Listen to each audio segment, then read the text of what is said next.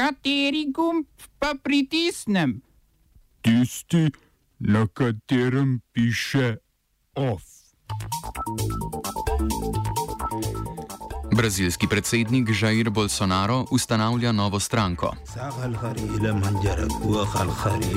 Južna Koreja in Japonska tik pred zdajci podaljšali dogovor o varovanju medsebojnih skrivnosti. Protesti proti izživljanju nad otroki v Sarajevu. Poslanci sprejeli nov letni proračun. V kulturnih novicah pa začetek festivala Kofestival 2019.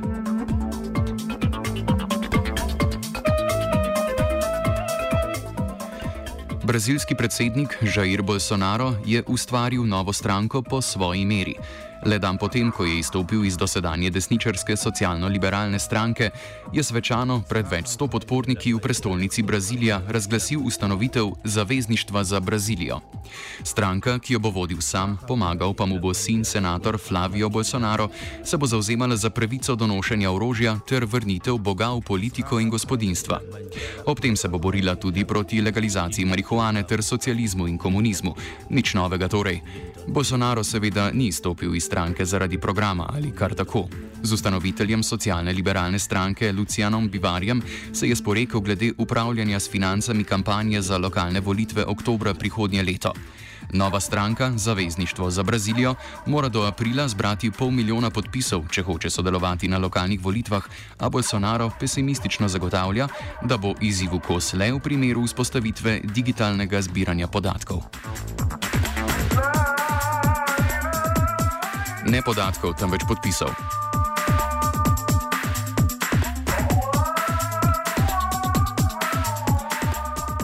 Poleg ustanovitve nove stranke je imel Bolsonaro ravno dovolj časa, da je v kongres poslal predlog spremembe zakona o odgovornosti vojakov in policistov ob uboju.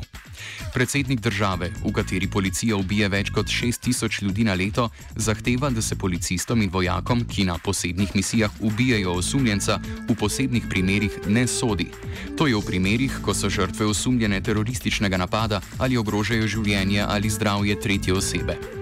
V to je vključeno tudi nošenje orožja, ki ga Bolsonaro zvesto zagovarja. Pomembno je, da v bodoče, ko boste v Braziliji nosili orožje, storite vse, kar je mogoče, da ne boste izgledali sumljivo, čeprav bodo o tem seveda odločali brazilski policisti. Ob vsem tem napornem delu predsednik Bolsonaro seveda ni uspel slišati protestov avtohtonega ljudstva Munduruku, ki zahteva prenehanje nezakonitega rudarjenja v njihovem rezervatu v osrčju Amazonije. Na tokratno Bolsonarovo prelaganje odgovornosti bodo staroseljci morali počakati še kak dan.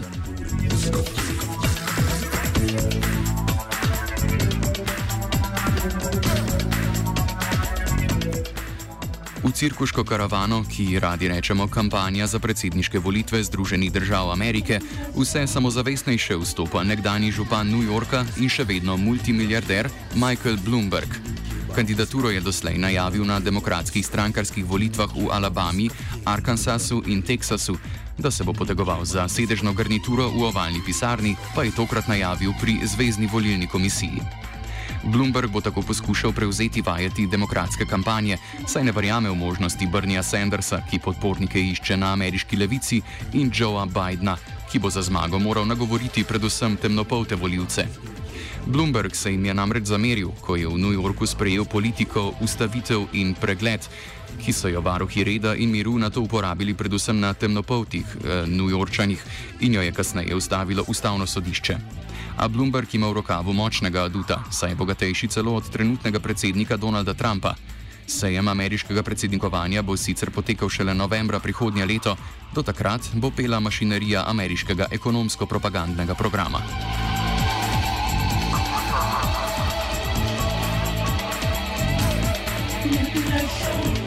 Prebivalci Južne Koreje in Japonske pa so si oddahnili, saj bodo lahko ostali prijatelji.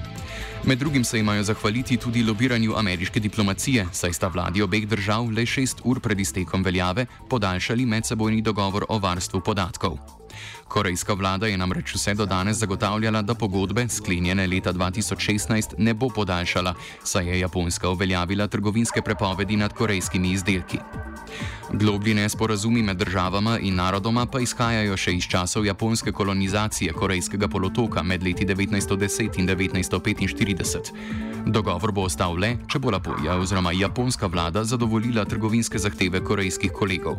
V nasprotnem primeru bi lahko Severna Koreja in Kitajska okrepili moč v regiji, česar se bojijo predvsem diplomati Združenih držav Amerike.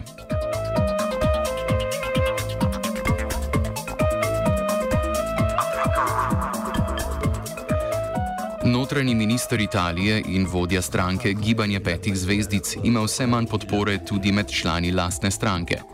Na notranjih spletnih volitvah so namreč že drugič glasovali proti njegovemu predlogu, tokrat niso sprejeli bojkota prihajajočih državnih volitev v Emiliji Romaniji in Kalabriji januarja prihodnje leto.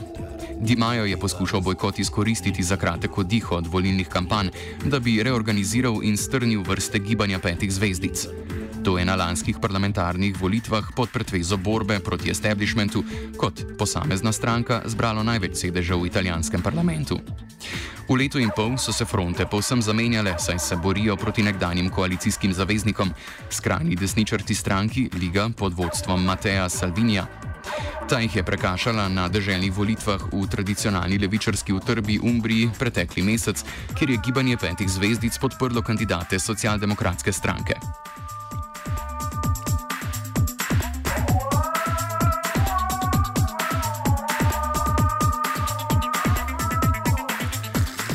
Preoblikovanjem strank pa se ukvarjajo tudi v Srbiji, tam še konkretnejše kot v Italiji. Sociolog Jovo Bakič z diplomo iz Univerze Amherst iz Massachusettsa je namreč napovedal ustanovitev nove levičarske stranke. O imenu se sicer še glasuje, a Bakič napoveduje, da bo stranka zbrala vse levičarske aktiviste, ki v srpskem javnem prostoru delujejo zadnjih 20 let. Ker pa bi bilo zbiranje 10 tisočih podpisov za registracijo stranke predolgotrajno in predrago, so se bratsko dogovorili s Socialdemokratsko unijo, ki jo je ustanovil Žarko Korač. Ta bo novim levičarjem odstopila svoje registracijske papirje in celotno organizacijo, tako da bo Bakič le spremenil ime že narejeni stranki. Bodoči člani imajo do 22. decembra čas glasovati za najljubše izmed osmih imen, ki jih Bakič še ni raz, eh, razkril javnosti. Tokrat bo potekala ustanovna oziroma preimenovalna seja stranke.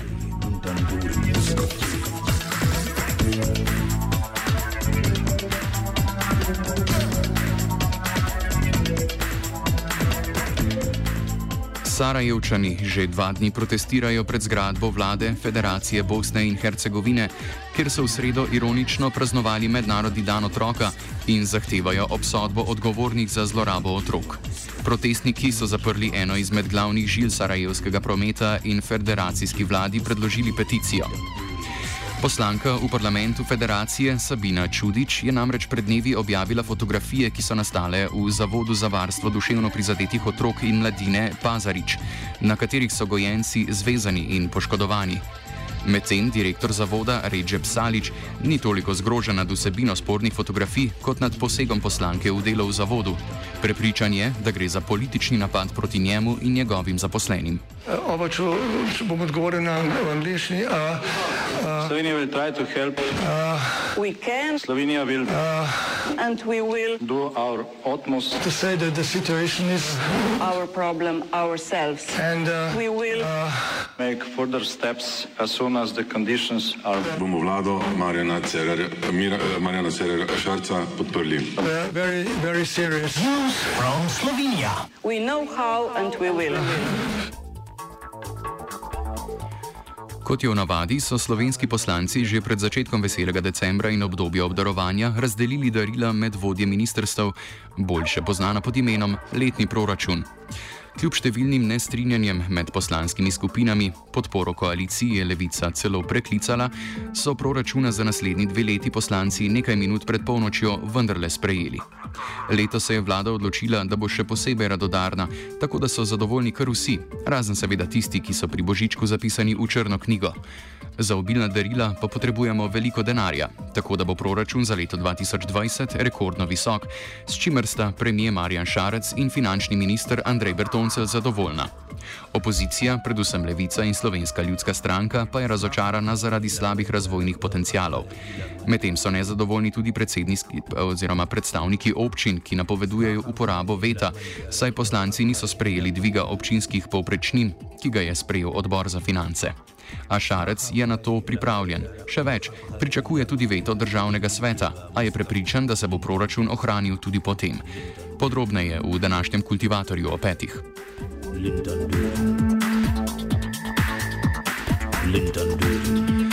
Off je pripravil Virant, sledijo kulturne novice.